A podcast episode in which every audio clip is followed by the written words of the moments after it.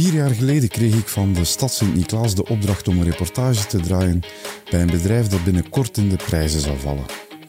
En toen ik eraan kwam, zag ik meteen waarom. De liefde, de gedrevenheid, de passie voor het product droop er vanaf. En de voorbije vier jaar heb ik altijd gedacht: als ik ooit start met een podcast, dan wil ik die mensen aan tafel. En vandaag is het zover. Eén van hen schuift hier voor de micro. Maria Verhofstede van Brouwerij Verhofstede.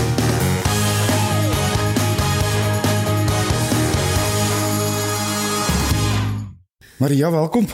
Dankjewel.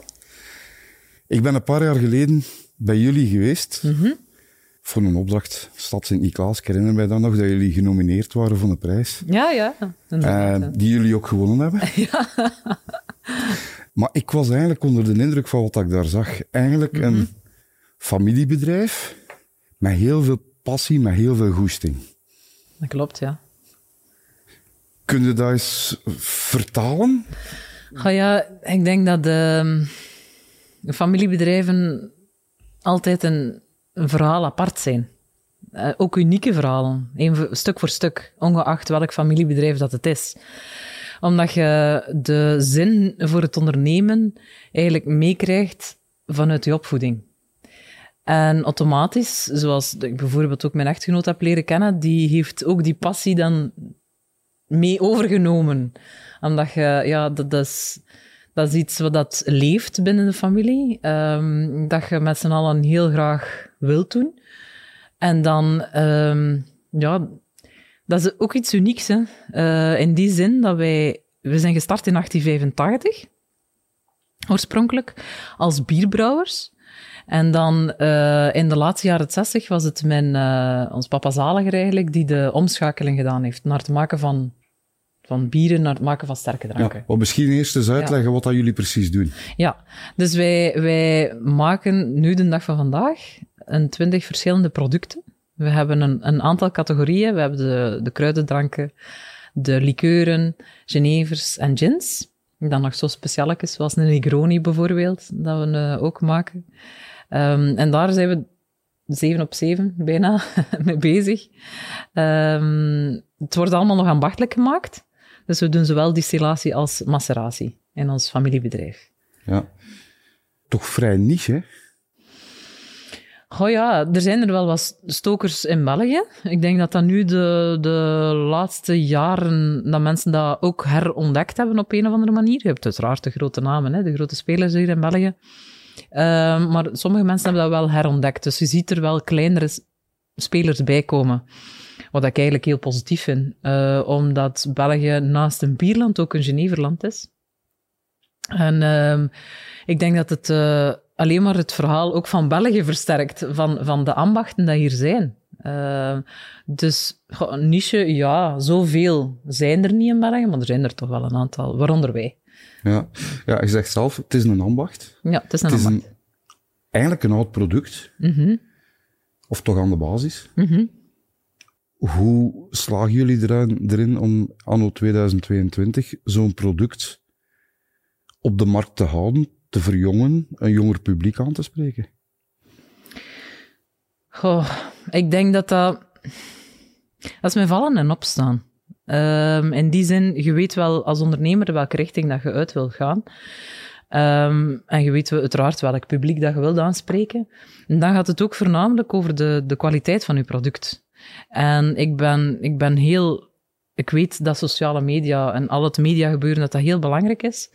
Maar de mond-aan-mond reclame blijft ook nog superbelangrijk. En als wij het verhaal rechtstreeks aan de mensen kunnen vertellen en kunnen zeggen van kijk, proef een keer ons product, ontdek een keer wat, er, wat het Waasland eh, kan bieden aan rijke smaken, dan is dat zonder verplichting in alle vrijblijvenheid dat ze de dingen kunnen proeven. En ik denk dat dat... Ene keer dat, ik had vandaag ook klanten bij ons in de zaak. Er was iemand en die zei, ja, ik drink normaal gezien geen gin. Ik ben niet voor alcohol. Ik zeg, ja, ik respecteer dat. Zeg maar, mag ik u toch iets aanbieden om te proeven? En ik bood daar een, uh, een krikkellikeur van ons aan. Ja, die dame zei van, hé, hey, dat is echt lekker. Ik zeg, ja, dat is een ambachtelijk product. En vervolgens heeft ze zelfs een gin geproefd. En ze heeft dan ook nog sterke dranken mee naar huis genomen, snap je? Dus, dus, dus het vertrekt eigenlijk van de vrijblijvendheid van de mensen, van kijk, je kunt ons ontdekken, weet dat dit iets is waar wij 100% achter staan, je mag het proberen, en als je het lekker vindt, dan kun je het mee naar huis nemen.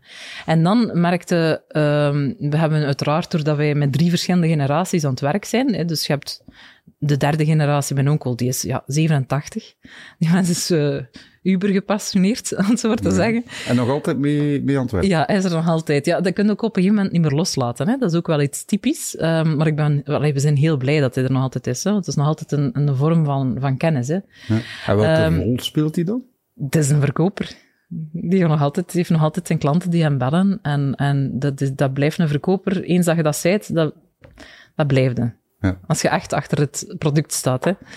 Um, want ik was dat vroeger ook niet. Hè. ik ben ook maar in, in het vak gerold. Ik zeg niet dat ik dat al supergoed doe of zo, maar ik doe het gewoon vanuit mijn hart. En, en de, de beste raad dat mijn onkel mij gaf toen ik startte, een aantal jaren geleden, was van Maria, blijf gewoon uzelf dat is eigenlijk de beste raad. Je moet gewoon jezelf blijven. En dan breng je je boodschap ook eerlijk naar de mensen. Mensen voelen daarop aan. Zijn.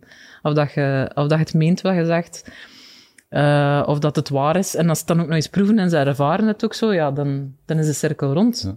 En ik denk dat dat, ongeacht de leeftijd die bij ons in de, in de zaak komt, dat dat, als je telkens dezelfde boodschap brengt, omdat het een eerlijke boodschap is, is dat ook niet moeilijk, dan ik krijg automatisch een verscheidenheid aan publiek. Omdat ik had zo ooit eens een, een verhaal van een klant en die zei mij van ja, um, vroeger op de opendeurdagen bij jullie, eh, kwam ik altijd mee met mijn uh, mama en uh, mijn papa. En dan mochten wij op het springkasteel als, de kindjes, als kindjes en mochten dan een ijsje kopen en zo. En dan, ja, wat later op de avond kwamen ze aan mij vragen van, waar zijn uw centjes? We zullen nu thuis wel teruggeven. En kijk, zegt ze, kijk, wat dat is nu het effect. Mijn, mijn ouders zijn al ouder geworden. En ik kom hier nu ook nog mee. En het was al een, een twintiger. Dus dat vind ik dan fantastisch. Dat gaat ook over die verschillende generaties heen. Ja. Omdat, ja, ik denk dat dat een eigenheid is aan familiebedrijven. Ik weet het niet we doen het alleszins met heel, heel ons hart in de zaak. Ja, uh, dat is wat ik ook gevoeld heb toen, toen ik er was. Mm -hmm. um, ik wil even terug naar de, de richting. Je sprak daarnet over, je, je weet als ondernemer welke richting je uit wil. Mm -hmm. Welke richting willen jullie uit? Mijn droom? Oh, dat is dat tenminste een heel België weet wie dat Verhofstede is. Dat is echt mijn droom. Dat ik ergens binnenkom in een horecazaak of zo en dat, ongeacht waar dat het in België is, dat ik overal wel iets zie staan van ons. Dat is, dat is mijn ultieme droom, ja, wat betreft de zaak. Daar zijn we goed aan bezig, want als ik naar de website kijk, mm -hmm. dan zie ik toch al er zijn wel, een aanzienlijk stuk van de kaart van België ja. gecoverd met verkooppunten. Dat klopt, dat klopt. En ik, ik wilde ook heel graag, allee, samen met, met het ganse team willen we dat heel graag verder uitbreiden. Maar dat gaat geleidelijk aan. Hè. Je, kunt, je kunt dingen niet forceren. Maar wat dat we wel weten is, um, we hebben op een gegeven moment Vroeger moeten we weten dat wij echt alles, alles in eigen beheer deden. Of zo goed als alles in eigen beheer van wat betreft marketing. Um, nu, op een gegeven moment, er zijn altijd kantelmomenten. Dat heb je in een mensenleven, maar dat heb je ook in een bedrijfswereld. Dat je zegt van, nu moeten we iets doen om...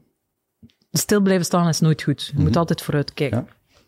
Dus ja, dat was er... Uh, mijn broer die zei van ja, we moeten, we moeten iets doen aan de, aan de verpakking. Want we deden de etiketten, dat, dat was in eigen beheer, hè, en zo verder en zo verder.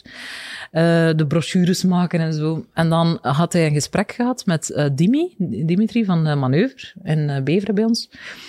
Vroeger zat hij in Sint-Niklaas. En um, zo is eigenlijk de bal aan het rollen gegaan. Die verstond ook wie dat we waren. En die heeft eigenlijk um, datgene wat hij ons hoorde vertellen, en dat is ook een, ook een ambacht eigenlijk, hè. marketing is ook een ambacht op, op een of andere manier, heeft hij vorm gegeven. En we waren super blij met het eh, resultaat. Dat is altijd met een feedback ook, hè, want je moet input geven en, en, mm. en wat wijzigingen doen en zo. En vertel eens concreet, wat heeft hij dan gedaan? Die heeft eigenlijk een nieuw logo voor ons uh, ontworpen. Dus uh, je ziet eigenlijk, ik weet niet of je dat logo nog herinnert, dat er zo een, een V is en, en een, een druppeltje dat eraan hangt. En dan die sinds 1885. Ons etiket ontworpen. Um, de, de verschillende kleuren van die etiketten, daar waren wij voorstander van, omdat dat weerspiegelt ook een beetje het temperament dat er wel aanwezig is in, uh, in ons familie, denk ik. Um, en we vonden dat het mooiste passen ook bij de flessen. En dan ga je zelf op zoek naar het soort flessen. Dan, dan je van, ja, wat, wat vinden wij mooi? Wat, hoe, hoe kan het uh, het mooist naar voren komen? En dan gaan we verder kijken. Hè. Dan gaan we de website aanpakken, gaan de brochures aanpakken, zodat dat dat allemaal één geheel wordt. En dat is, ja, ik, ik vind dat zelf heel leuk om dat mee, uh, mee op te volgen. Zeer zeker. Ja, dat is, uh, maar ook jullie, ook jullie flessen? Mm -hmm. dat, dat hebben we eigenlijk zelf gedaan. Dat hebben we zelf ja, gekozen. Ja, maar dus, dat is een kwestie van... Die springen er gewoon uit, hè? Ja, dat is een kwestie van... Eigenlijk van... zou de, de, de drank al kopen voor de fles alleen. ja, merci. dat, is, dat is ook gewoon op zoek gaan naar de markt en kijken van welke flessen zijn er en wat past het best bij ons. En dan gewoon in de familie. Dus je, je maakt eerst een keuze in het team en dan vraag je dan de rest van de familie van wat denken jullie ervan? En dat is het leuke als je een grote familie hebt, zoals die, die van ons. We zijn toch echt wel met een grote bende. Uh, Als je daar een aantal moet op plakken? Meer dan 50. Enkel, enkel de zussen. Die meebeslissen? Nee, die, maar onze familie is wel zo groot. Meer dan 50 mensen. In die zin, dat zijn mijn zussen, mijn broers en hun kinderen. Ja. Dus dat, dat is mijn mama heeft uh, in de dertig kleinkinderen. Hè. Dus uh, dat is stevig. Maar het leuke is daarvan dat je eigenlijk met verschillende generaties zit. Dus je zit met tieners, twintigers, dertigers en zo verder. Dus je zit echt, de, ja, die hele bevolking komt erin voor, precies. Mm -hmm. Begrijpt je? Ja. ja. Um, en dat, worden dat maakt worden het die ook als een soort jury gebruikt dan? Ja, ja, soms wel, ja. Niet bij alles, maar soms wel. Als, als je een nieuw product maakt, uiteraard laat het dat eerst een team, het vaste team, die in de brouwerij werkt. Mm -hmm. uh, maar vervolgens laten dat uiteraard eens proeven aan de rest van de familie. Wat denken jullie ervan? En als de meerderheid zegt go, ja, dan is dat een extra anders. Wij beslissen het uiteraard zelf hè, met het team. Maar dat is een extra stimulans om te weten dat, je, dat het goed zal komen. Ja. Je hebt eigenlijk al een marktonderzoek in het klein, hè? ja, ja. En puur gebaseerd op ervaring, als zij zeggen ja... Dan uh, loopt dat meestal Dan goed. loopt het ja, goed. Ja, ja, ja, ja, ja. Je weet ook wat dat, wat dat er leeft, hè. Uh, als, je, als je een nieuw product op de markt brengt, dan... Ja... Je, je zit in een business, hè, dus je weet wel dat dat er leeft, hè. Ja. Of, je, of het is dat je zelf iets lekker vindt, want bijvoorbeeld de, de, uh, onze gin, onze edelwijs gin, die hebben wij voor de gin-hype op de markt gebracht. Dat mijn, dat mijn broer dat idee had en zei van, ja, daar, daar gaan we niets mee doen. En voilà. En iedereen vond dat lekker. voilà. Ja. Daarvoor dronk ik persoonlijk zelf nooit gin. Zelf niet. Dus ik heb dat leren drinken doordat mijn echtgenoot dat, ja. dat gemaakt heeft. En dan dacht ik, hé, hey, dat, is, dat is eigenlijk wel lekker. En dan, dat was in 2013. 2014 zijn de Belgen wakker geschoten. dan, wow. En dan voornamelijk het, het Vlaamse gedeelte dat ik, uh, dat ik weet. En dan had dat ook nog zijn regio's, hoor. Niet iedereen was onmiddellijk into ginbeurzen en zo verder. Um, en dan is dat maar pas oh, uh, 2015, denk ik. Dan is er een boom gekomen. Hype. Ja, dan iedereen sprak over gin. Ja. Uh, nu hebben we trouwens over onze gin gesproken. We hebben een, een exclusieve fles uitgebracht van 4 liter en half. We hebben er maar 100 exemplaren van. Die is ook gehandtekend door mijn, door mijn echtgenoot, door Bart. En uh, ja, die zijn ook genummerd. En, en dat is ter gelegenheid van? Ja, ergens een stuk voor, voor... Ja, we hebben nog niet echt onze heropening van het gebouw dat nu gerenoveerd is kunnen vieren. Maar we wilden dat toch op een of andere manier al ja, in de kijker zetten. Vandaar ja. dat we die fles. Beetje een symbool. Ja, eigenlijk wel. Een mijlpaal. Dat is het, het, juiste woord. Dat is een mijlpaal terug in onze geschiedenis. Want je moet goed weten, het, het gebouw dat daar gezet geweest is, dat is een, een gebouw van Renaat Braam. Dat is een hele bekende architect. Je, je kunt die boeken Dat is ook, de brouwerij. De oorspronkelijke ja, brouwerij eigenlijk. Ja, dat is dat hooggebouw, hè, dat ja. je daar ziet uh, staan op onze, op onze hof.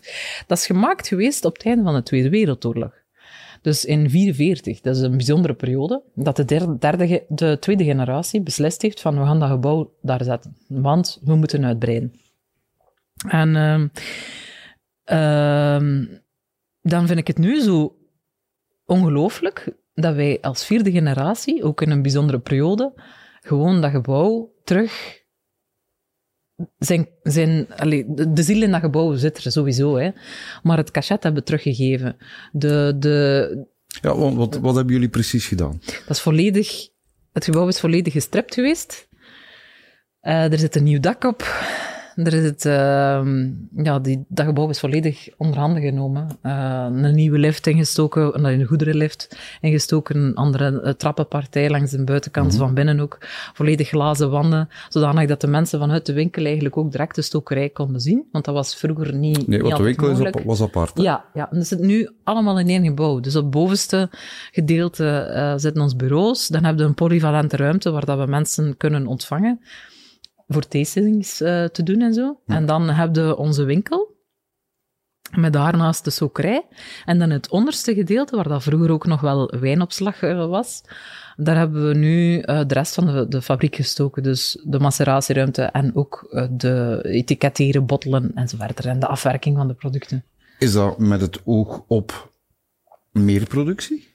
Ja, hè. Dat moet, je moet altijd blijven. De capaciteit is vergroot? De, de ruimte waar dat we nu zitten is vergroot. Terwijl dat men echt het vroeger heel veel moest verzetten om, om ja, een paletje hier verzetten en terug verzetten. En was heel veel tijd dat je er ook mee ja, verspeelde eigenlijk. En nu heeft hij wel de lengte van het gebouw erbij gekregen. Ja. Uh, wat, wat wel uh, ja, ja, heel goed is voor hem. Hij spreekt van die tastings. Mm -hmm. Ik weet dat jullie een aantal keer per jaar al een open deur deden. Ja. Op de Hof dan? Ja, ja, aan de Hof, ja.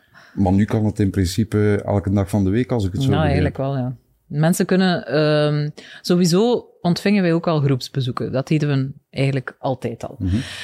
um, maar nu is het gewoon ja, een heel mooi uitzicht dat je er ook nog eens bij krijgt, omdat je op een hoger verdiep zit en je hebt eigenlijk een uitzicht op de, op de weilanden. Dat is super mooi, hè. Dat is een volledige glazen partij dat erbij gekomen Echt is. inspelen op de beleving? Ja, ja, zonder dat we dat... Gewoon omdat we dat zelf leuk vinden. Ik denk dat, dat daar de kracht van het ondernemen ook zit. Wat dat je zelf leuk vindt of belangrijk vindt, kun je toch alleen maar ook weer doorgeven aan je klanten. Dat, ja. dat, is eigenlijk het principe dat bij ons wel leeft. Je moet niet, als je dat zelf niet leuk vindt, dan moet het ook niet doen naar een ander. Ja, nu, ze zeggen dikwijls, een goede verkoper kan alles verkopen. Ja, dat is waar, maar in mijn geval zou ik niet een product kunnen verkopen waar ik niet achter sta. Misschien ben ik dan niet de ras-echte verkoper, dat kan. Ja. Um, maar, maar ik zou dat niet kunnen. Omdat je moet, je moet het product uh, uh, graag hebben, ik wil al bijna liefhebben zeggen, maar dat is misschien nog een trapje te, te ver. Maar je moet, je moet het product ten volle appreciëren om het ook ten volle te kunnen verkopen. En is de garantie op succes? Ik bedoel, is, ik heb het hier letterlijk zo opgeschreven, is passie en liefde voor een product voldoende? In mijn ogen wel, maar ik kan me er uiteraard in vergissen. Maar in mijn ogen wel, omdat je er moet van vertrekken je moet overtuigd zijn van je eigen product. En dan is het met vallen en opstaan. Dat je uiteraard wel eens mensen zeggen die zeggen van nee, ik, het interesseert mij niet. Of nee, ik, ik ben er niet van overtuigd. Uiteraard. Maar zo zit het leven toch helemaal in elkaar. Je kunt niet voor iedereen goed doen. Dat bestaat niet. Dus ook niet in de zaken. Dat gaat niet. Dus ik denk dat je, je moet gewoon ja, je, je komt bij de juiste mensen terecht die de, de ambacht weten te appreciëren, die je product weten te appreciëren, die, er, die ervoor willen gaan ook. Hetzelfde, eigenlijk ons verhaal verder vertellen. Mm -hmm. Of dat dan nu een particulier is, een, een bedrijfsleider uh, van, van een drankencentrale of van, van een bedrijf waar dat er diensten uh, verleend worden op eender welke manier. Dat is wat je moet hebben. Ambassadeurs. Voilà, inderdaad. En die ja. hebben jullie? Ja, ja. Ik heb dat zelfs gezien ook tijdens de verbouwingen die we gedaan hebben. Onze klanten, ik, ik zei dat dikwijls tegen hem, maar wat voor toffe klanten hebben we nu toch wel niet? In die zin dat die mensen, die, die moesten, we, moesten ze op een gegeven moment ontvangen in een container. Maar in die laatste week hadden we de keuze van, vooraleer dat we in onze nieuwe winkel binnen konden, oftewel hadden we de keuze van, we sluiten de winkel even voor een week. Maar ja, dat is, financieel is dat ook weer uh, iets. Zeker in de drukste periode van het Mhm. jaar, hè, de, naar het einde jaar toe. Oftewel, ontvangen ze echt even in de pop-up der pop-ups. En dat is een tent die bij ons op de hof stond, maar echt zo'n een klein gedeelte ervan. Want ja... Hè. En die mensen die klogen er niet over. En ik zei dan, ik verontschuldigde mij een keer van ja, sorry, het is hierin. En die mensen, ja, we begrijpen het. Het is helemaal geen probleem. Binnenkort zitten we wel in, in een eh, toffe Mhm. situatie. En dan komen we zeker terug. En dan denk ik, amai, ik ben toch, allee, we zijn toch in het bedrijf echt dankbaar dat dat, dat dat kan. Dat mensen ons dat gewoon met plezier gunnen en dat ze zeggen van kom maar terug. Als we, want we zijn benieuwd. En dan denk ik, ja, dat is toch tof? Maar heeft dat ook niet voor een stuk met je eigen te maken? Ik weet het niet. Ik weet het niet. Heel toegankelijk zijn? Down to earth? Ja, waarschijnlijk. Ja, dat kan. Dat kan. Ik weet het niet, ja. Dat had jij waarschijnlijk beter Ik, kennen. ik, denk, ja, ik, denk, ik denk dat wel. ja, ik denk dat wel. ja ik, ik- we zijn gewoon onszelf. We zijn onszelf. We gaan ons, of, dat je ons, of dat je mij nu hier ziet of je ziet mij thuis, ik ben hetzelfde. Ja. Zeg, de naam brouwerij zit Mhm. nog altijd Zit er mee in in? Dat zit er mee in. Ja? We hebben, we hebben Terwijl er- dat jullie niet meer brouwen. Nee, ik weet het. En we hebben er al heel veel over, over eh, nagedacht ook. Hè. In principe zouden we eigenlijk er beter stokerij van maken. Maar de- ja, ik betrap mijn eigen erop dat ik ook altijd brouwerij nog zeg, terwijl dat we geen bier niet meer maken. Maar langs de andere kant zit dat ook voor een stuk wel in ons DNA. Want zo zijn we gestart. Eigenlijk is dat ook iets fantastisch dat je moet rekenen dat in 1885 een vrouw, Stefanie de Jager, hè, dus mijn overgrootmoeder, die heeft dat dan toch maar gedaan. Die heeft dat, die heeft dat, die was dan overgrootmoeder. ja, zij is, zij is ermee gestart. En zij is, zij is getrouwd, eh, hertrouwd, want haar eerste man was overleden. Ze is hertrouwd met eh, eh, Julien Verhofstede, dus mijn overgrootvader. Mhm. Vandaar ook, ja, Verhofstede. Ehm, ze, ze zijn wel gestart met dat bier te maken. En eh, de tweede generatie heeft dat ook gedaan. Mijn papa Zaliger heeft dat ook gedaan. eh, samen met mijn onkel en zo. Dus die hebben ook. Dus dat is drie generaties bier. En dan eigenlijk nog maar twee generaties, ja, sterke drank. Iets anders. Ja, sterke drank. Dus ik denk dat mijn papa ook op het juiste moment de beslissing heeft genomen van die omschakeling te doen. En een van de eerste producten dat hij gemaakt heeft, is onze hopgenever, hè, met de hopbellen uit onze tuin. Dat ook een erkend streekproduct is door de Vlaamse overheid. Dus Was dat een probeersel? Was dat experimenteren? Want ik kan me niet inbeelden dat hij van vandaag op morgen met bier gestopt nee, is. het, het, in de geschiedenis vertelde dat gemakkelijk. Hè. Dus eh, ja, in eind jaren eh, het ze- het 60 is hij gestopt met bierbrouwen. En in 1961 had hij de hopgenever. Maar tuurlijk, je creëert niet een product van vandaag op morgen. Dat weet je ook voor hier, deze studio. Je zit er even mee bezig. En zo is dat nu eenmaal ook gegaan bij mijn papa. Ehm, als je een nieuw product maakt, doe jij, ik zie dat nu ook als mijn echtgenoot met nieuwe dingen bezig is, dat is, dat dingen proberen. Sommige dingen lukken, sommige dingen niet. En dat hoort er nu bij. Soms zit je een jaar bezig, soms een paar maanden, soms twee jaar, of, of iets langer.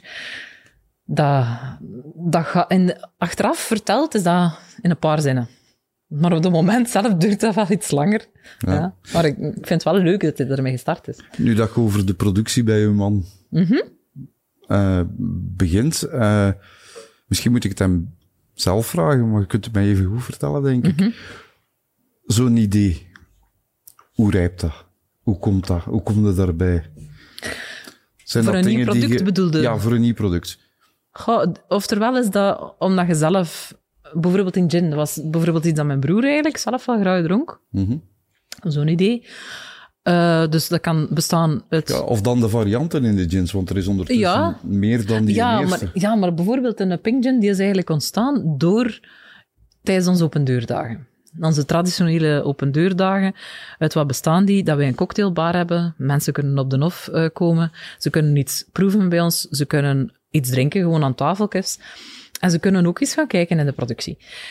En na- natuurlijk, als je een cocktailbar hebt, moet je cocktails maken. Dus dan is dat elke keer voor een open deur, oké, wat gaan we op de kaart zetten?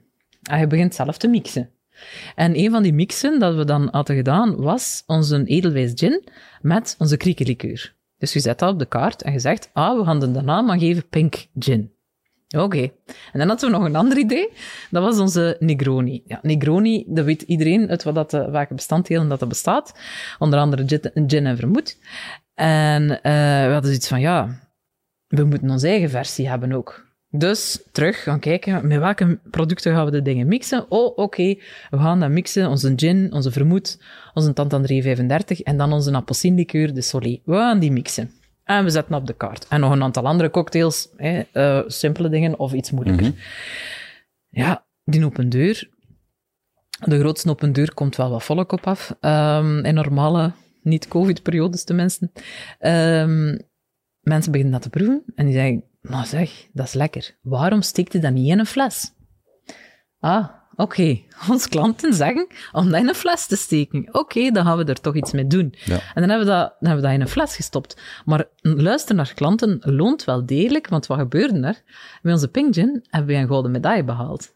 Op het concours mondiaal. Dus dat is onze Edelweiss Gin, gemixt met onze kriekenlikeur. Dus dat waren twee bestaande producten Twee bestaande producten. die plots een medaille halen. Nee, plots een medaille halen. Omdat we ze een- samenvoegen tot een cocktail in een fles. En Fantastisch, hoe, toch? Hoe zit zo'n concours in elkaar? De Concours Mondial de Bruxelles, dat is een, een bedrijf in Brussel, ehm, dat die wedstrijd organiseert wereldwijd. Nu, er komen een duizendtal inzendingen op af. Dat is eigenlijk een, een bedrijf dat zowel de wedstrijd organiseert voor wijnen als voor de sterke dranken. Nu, wij doen uiteraard mee met de sterke dranken. En ehm, dan is dat een jury die blind proeft. En die geeft een quotering aan het product. En vanaf dat je boven de 80, ik weet het niet juist, maar het is sowieso boven de 80, dat je moet punten halen, dan krijg je een medaille. Dus we zijn zeker niet de enigste over heel de wereld die een gouden, dat, dat zou wel heel uniek zijn, die een gouden medaille behaalt.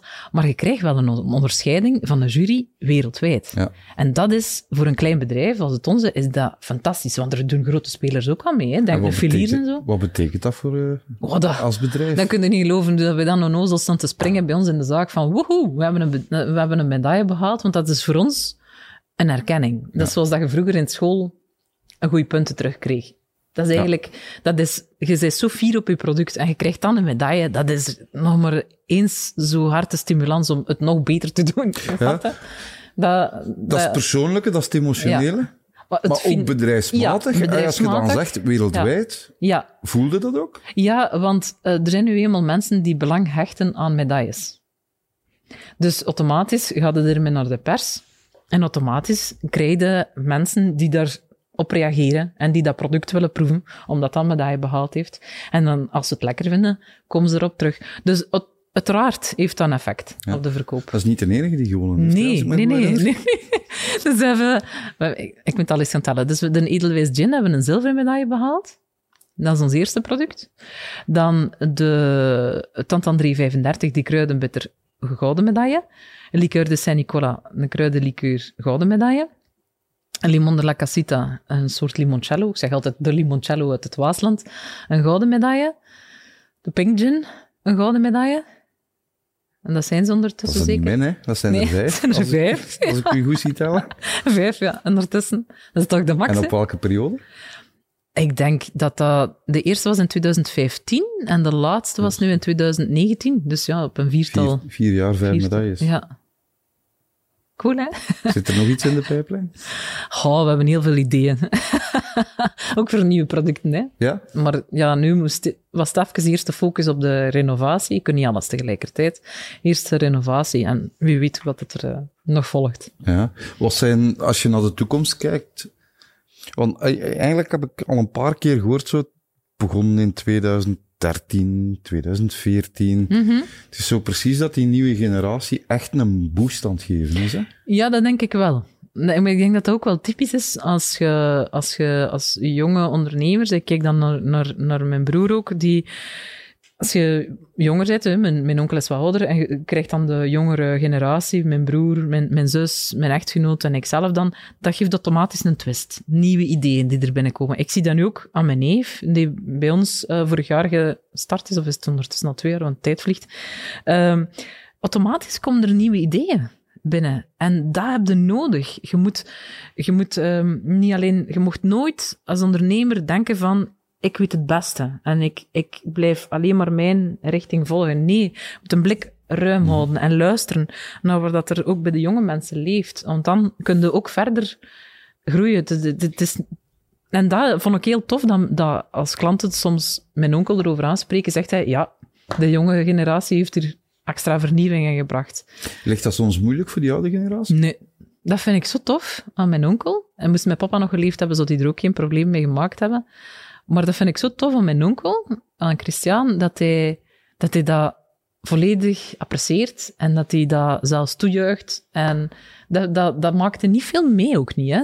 In bedrijven, dat, Nee. dat de oudere generatie dit ook zegt van wauw, tof. En die wil ook nog met Nee, alles op de hoogte is dan zijn. een strijd, hè? Nee, dat heeft hij niet. Dat heeft hij niet. Uiteraard Maar dat merk ik bij mijn eigen al, hè, dat je de dingen wel mee op de hoogte wilt blijven. Dat is, dat is automatisch. Dat, dat is omdat dat voor een stuk een deel van jezelf is geworden.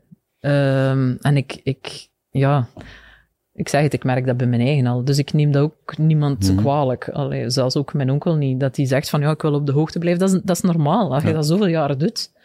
Ehm, dus, maar die juicht alleen maar toe. En dat vind ik zo fijn aan hem. En dat, dat, dat is ook een bepaalde spirit dat, ik, dat we graag, allee, toch ik ook, zeker wil doortrekken naar de volgende generaties. Van ja, je bent jong, je komt erbij. Ik wil luisteren naar ideeën. Ik wil luisteren, niet dat alles uitgevoerd wordt, maar ik wil wel luisteren. En misschien steken we er wel iets van op. Of kunnen we het uitvoeren. Ja.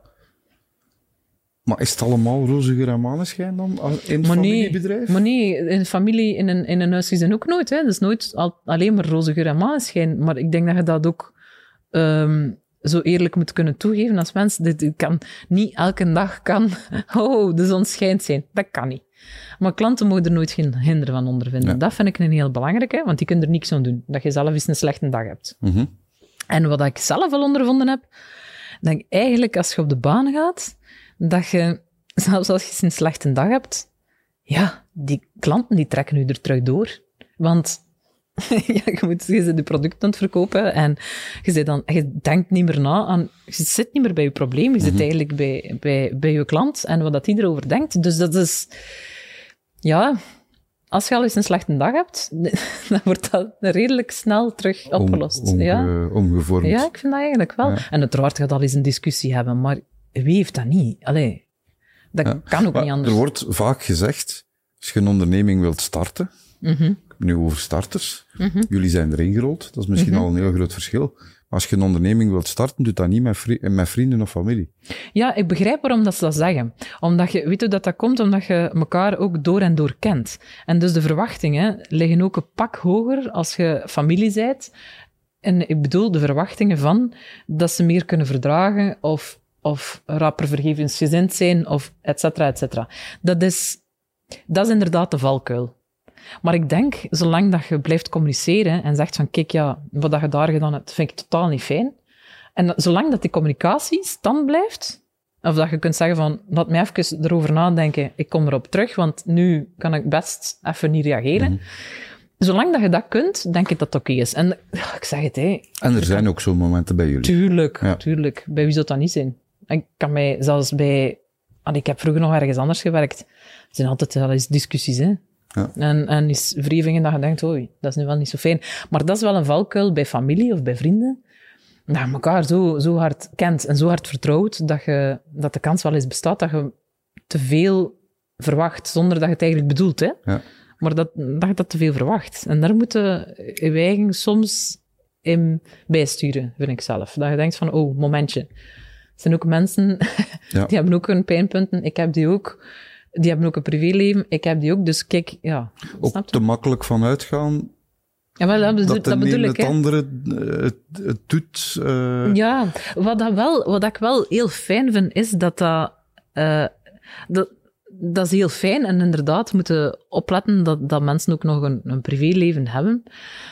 Maar ik denk dat die balans, dat we dat wel hebben in ons bedrijf. Er kunnen dus dat, like, nu vandaag ben ik hier ook, ehm, maar ik doe dat. Eh, maar, maar die balans is er wel. Dan, dan gaat dus op een ander moment wat, wat vroeger naar huis of zo, snapte? Dat hebben we dan wel in een kleinere bedrijf, dat je dat wel een beetje kunt schipperen. ja. Hebben jullie externe medewerkers? Eh, ja, ehm, we zijn sinds kort onze eerste stappen aan het zetten op de Nederlandse markt. Voor de export. En daar is dus een, er zijn externe mensen eh, Werknemers. ja, die zijn aan het werk voor ons. En dan is er ook iemand ehm, extern eh, eind vorig jaar gestart.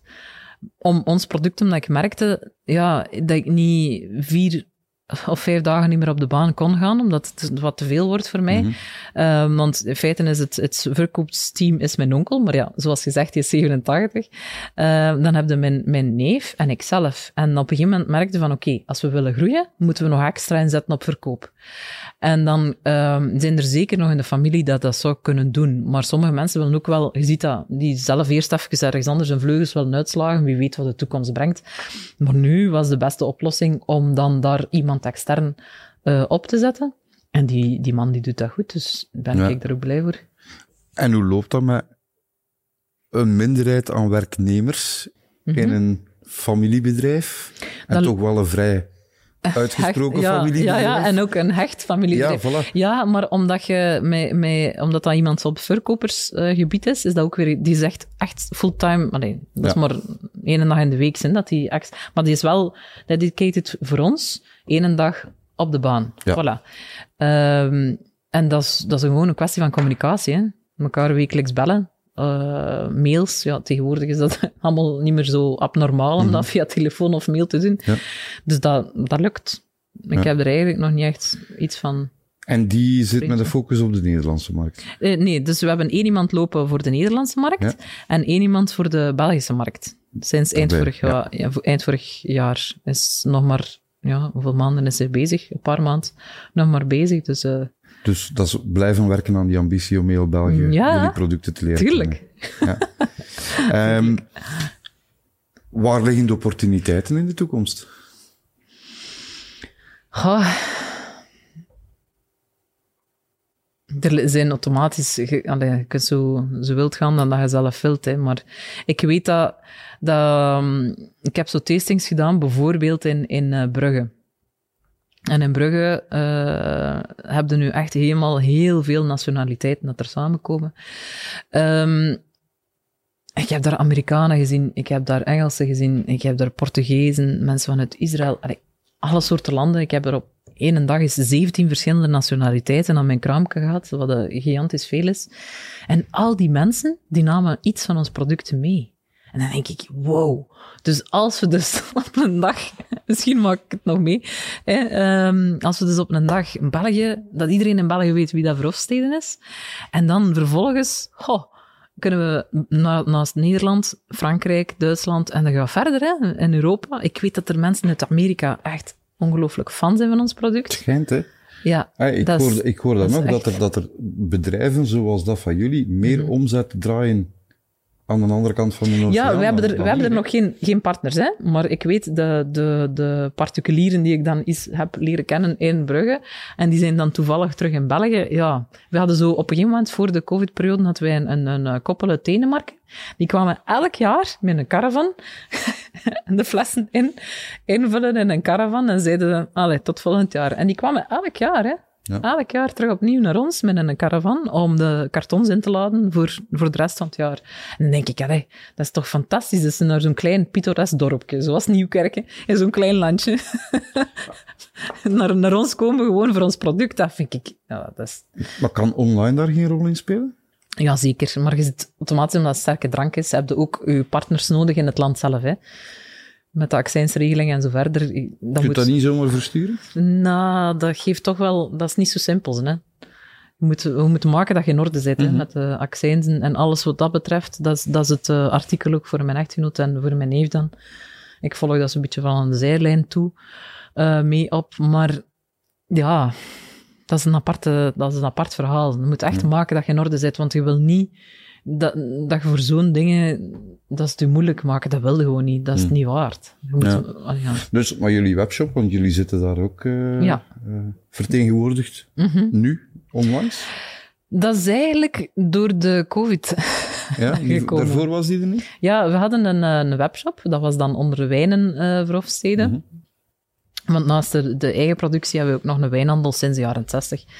Ehm, dat is ook zo wat met de paplepel meegegeven van, van vroeger. En dat is ook iets dat, dat mijn onkel, Christian, en dan mijn papa eh, eigenlijk echt uitgebreid hebben in de jaren 60.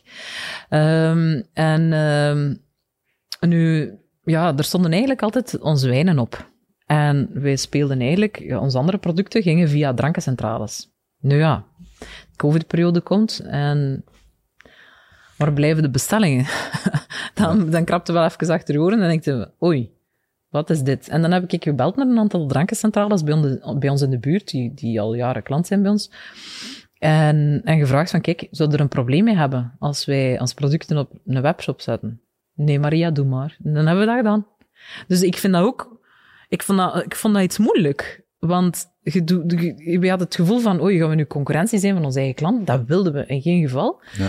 Maar ja, als je de zegen hebt van de die die in je omgeving zitten, dan een aantal spelers dat ik toen gebeld heb, en die zeggen van, doe maar, we begrijpen het. En dan achteraf blijkt dan nog eens dat dat eigenlijk helemaal geen probleem is omdat mensen automatisch gaan, of ze doen, ze doen het eens gemakkelijk via de webshop, of ze komen eigenlijk graag gewoon naar de mensen in de winkel. Voor de service dat ze in de winkel krijgen. Het zij bij ons, of het zij bij onze klanten die ons product verder verkopen. Verkopen deden jullie toch, hè? Dus Ja, op ver- zich is dat geen verschil. Nee. En wat zie je de dag van vandaag dan nog altijd? De meeste verkopen zitten niet in de online gedeeltes. Hè. Dat zit nog altijd in de fysiek. Fysiek mensen vinden dat leuk om andere mensen te zien, te proeven, verhaal te horen, te zien wie dat je zijt. Dat, dat, is- nog altijd aangenamer. Ik vind dat zelf ook nog altijd aangenamer. Ehm, en uiteraard is dat wel eens gemakkelijk. Hè? Als je geen tijd meer hebt en zegt van, oh, ik kan toch gauw online bestellen, dan doet iedereen dat wel eens. Maar ik vind dat nog altijd veel aangenamer ook om gewoon naar de winkel te gaan. En eens een klapje te kunnen doen. maar dat ben ik, hè, ja. Ja, ook als ik me herinner van in de, van in de winkel, heel leuke geschenkverpakkingen. Ik bedoel, Het alleen zien, Mhm. hoe dat iets, een product gepresenteerd wordt, maakt soms de verkoop veel makkelijker. Hè? Ja, ik ik denk dat nu in, in ons nieuwe gedeelte merk ik ook dat mensen het leuk vinden om een keer rond te kijken. Ja. En dat ze, ik laat mensen dan ook even doen. Hè. Eh, ze kijken een beetje rond, ze kijken wat dat er staat. Ze komen op ideeën en dan werken we nog altijd iets uit op maat van wat dat zij vragen. Dus af en toe gaat er dan eens een pakket dat we uitgebeeld hebben mee. Maar meestal zeggen ze van, ja, ik heb dat gezien, maar kun je de da- dat erin steken? Of wat is dat daar op het schap? Ja. Kun je, wilde me dat eens laten proeven? En dan denk ik, ja, tuurlijk, hup. En dan is die weer vertrokken voor een pakket eigenlijk op maat, hè, van elke klant. Hè. Ja. Dat is, ja, vind ik wel leuk. Ja. We hebben het, klanten zijn particulieren, klanten zijn ehm drankencentrales, klanten zijn ook horecazaken. Ja. Ja, we hebben een aantal eh horecazaken die al heel lang klant zijn bij ons. Ehm, en die wij rechtstreeks leveren. Uiteraard zijn er ook heel, heel veel horecazaken die via onze drankenhandels lopen. En daar hebben wij niet altijd direct zicht op. Ja. Dat, soms vind ik dat wel jammer, want dan weet ik niet van, ja, waar zit ons product nu binnen? Eh, of welke particulier... Maar dat, dat kun je nooit weten. Hè. Dat, je kunt moeilijk alle Ja, restaurants... eens eh, moet je het loslaten. Hè? Voilà. Dus dat. eh, dus, maar ja, ik, ik- soms kom ik dat dan te weten. Bijvoorbeeld dan ik, een particulier zegt van, ik ben daar gaan eten en ik heb daar jullie producten gezien. Dan denk ik, hé, tja, ah, allee, leuk om te weten. Ja. Dat er, en dat zit ook wel over België een beetje verspreid in de, in de restaurants binnen. Dus dat, dat is leuk. Daar dromen om, ik zeg maar iets, eh bij een Peter Goossens of een... Ja, eh, ja. Ik geloof dat ons, er zitten een aantal sterren eh, zaken die onze producten eh, hebben. Onder andere de Korenaar in Nieuwkerken, maar er zit er ook nog een in, eh, in West-Vlaanderen. Ik ben even de naam kwijt. Dat is via een drankenhandel gegaan. Eh, via Niki, die eh, daar zijn contacten heeft. Eh, dat is ook een sterrenzaak die ons product, eh, een van onze producten heeft. De, de Laconita, een anijslikeur. Ehm, dus ja, uiteraard. Maar ja, Pieter Goos, ja, waarom niet? Sergio Herman en al de andere. En kennen die de producten? Nee, nog Doen niet. jullie daar even voor voor?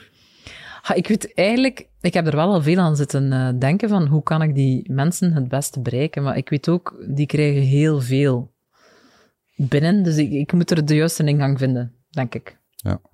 Dat zoeken. Ja, Opportuniteiten zijn er genoeg voor de toekomst, eh, ja hoor ik. zeker. Zelfs in België alleen al, denk ik dat er dan nog onze heel wat te wachten staat, hè, toch? Zijn daar ook valkuilen Ik- waar dat je rekening mee houdt? Zo. Ja. Ik denk dat je... Valkuilen niet echt. Je weet dat, dat als je, als je je product verkoopt, dan is het ja of nee. Dat is, dat is geen valkuil. Dat is twee opties, ja of nee.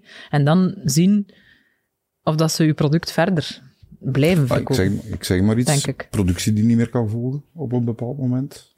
Ja, maar dan paste daar ook weer een mouw aan. Like op een gegeven moment gaf mijn echtgenoot aan van sorry, dat gaat gewoon niet meer. Ik kan dat niet meer alleen eh, doen.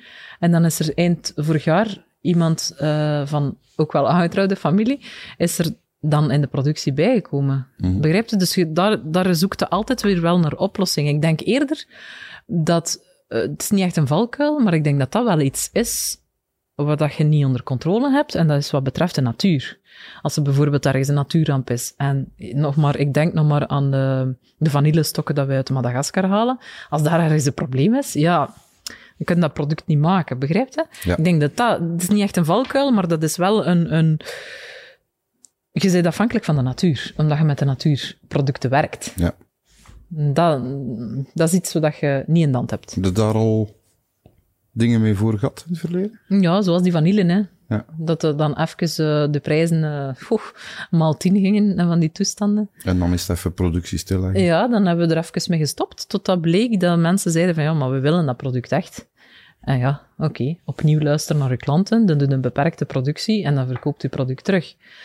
Um, maar ja, dat is wel, ja, daar moeten we mee kunnen omgaan, denk ik. Hè? Als wij onze noten plukken bij ons in de tuin, of de hopbellen plukken bij ons in de tuin, en er zijn er niet genoeg, ja, dan heb je minder... Dat is nog altijd die eigen kweek? Ja, dat hebben we groeit in het wild, hè, bij ons.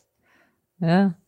Um, en af en toe, like bijvoorbeeld voor de noten, als we niet genoeg hebben of zo, dan plukken we bij mensen dat we kennen, die ook niet, niet sproeien in de oven of zo. Want dat is wel belangrijk, dat het nog altijd natuurlijk is. Maar, maar meestal doen we het eigenlijk met, met, ons, met de dingen die we hebben op onze eigen tuin. Hè. Maar wat betreft de noten en de hopje. hopje dat wist ik niet. Ja, ja, ja. Ja, want dat zijn ze zelfs komen filmen vanuit de vlam. Omdat ze zeiden van ja, hoe, hoe doen jullie dat en zo verder. Dan komen ze gewoon filmen, hè.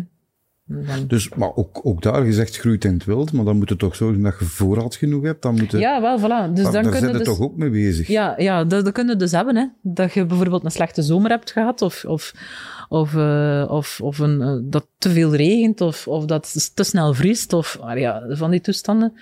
Uh, dat kun je dan voor hebben, dan heb je minder, minder aantal liters dat je maar kunt produceren. Maar dat, dat hoort ook bij die charme van een ambachtbedrijf. Like bijvoorbeeld onze walnotenlikeur. Ja, die is uitverkocht. Ik heb alleen nog maar kleine flesjes. Dat is wachten tot de volgende productie.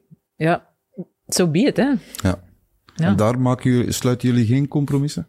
Nee. Nee, het enige wat je kunt doen is maken dat je nog meer... Als je meer kunt plukken, dat je meer, dat je meer uh, liters kunt maken. Ja, dat is de maar inkopen is daar geen optie? Mm, nee, nee, inkopen niet. Inkopen niet. Je moet het altijd zelf doen. Maar ja, je moet, je moet kijken naar wat dat de natuur je biedt. Hè. En je moet, het belangrijkste is betrouwbare zijn en betrouwbare partners zoeken. Ik dat denk, denk als ik u dat nu allemaal hoor vertellen, dat dat gewoon succes is van het bedrijf. Ja, kan wel. Dat kan inderdaad wel, ja. Weet je wat dat gekke is? Als je in het bedrijf staat, staat het er niet altijd bij stil. Het is door, door dan zo bijvoorbeeld hier te zitten en, en dat je dan die vragen stelt aan mij, dan denk ik, ah ja, ja, eigenlijk. Het is toch wel iets uniek wat dat we doen. Uh, ik vind het heel uniek. Ja, maar je, maar je staat er niet altijd bij stil, hè? Omdat je dat zo gewoon bent. Snap je? Dat is... Wanneer is dat, dat een mij... beetje blindheid?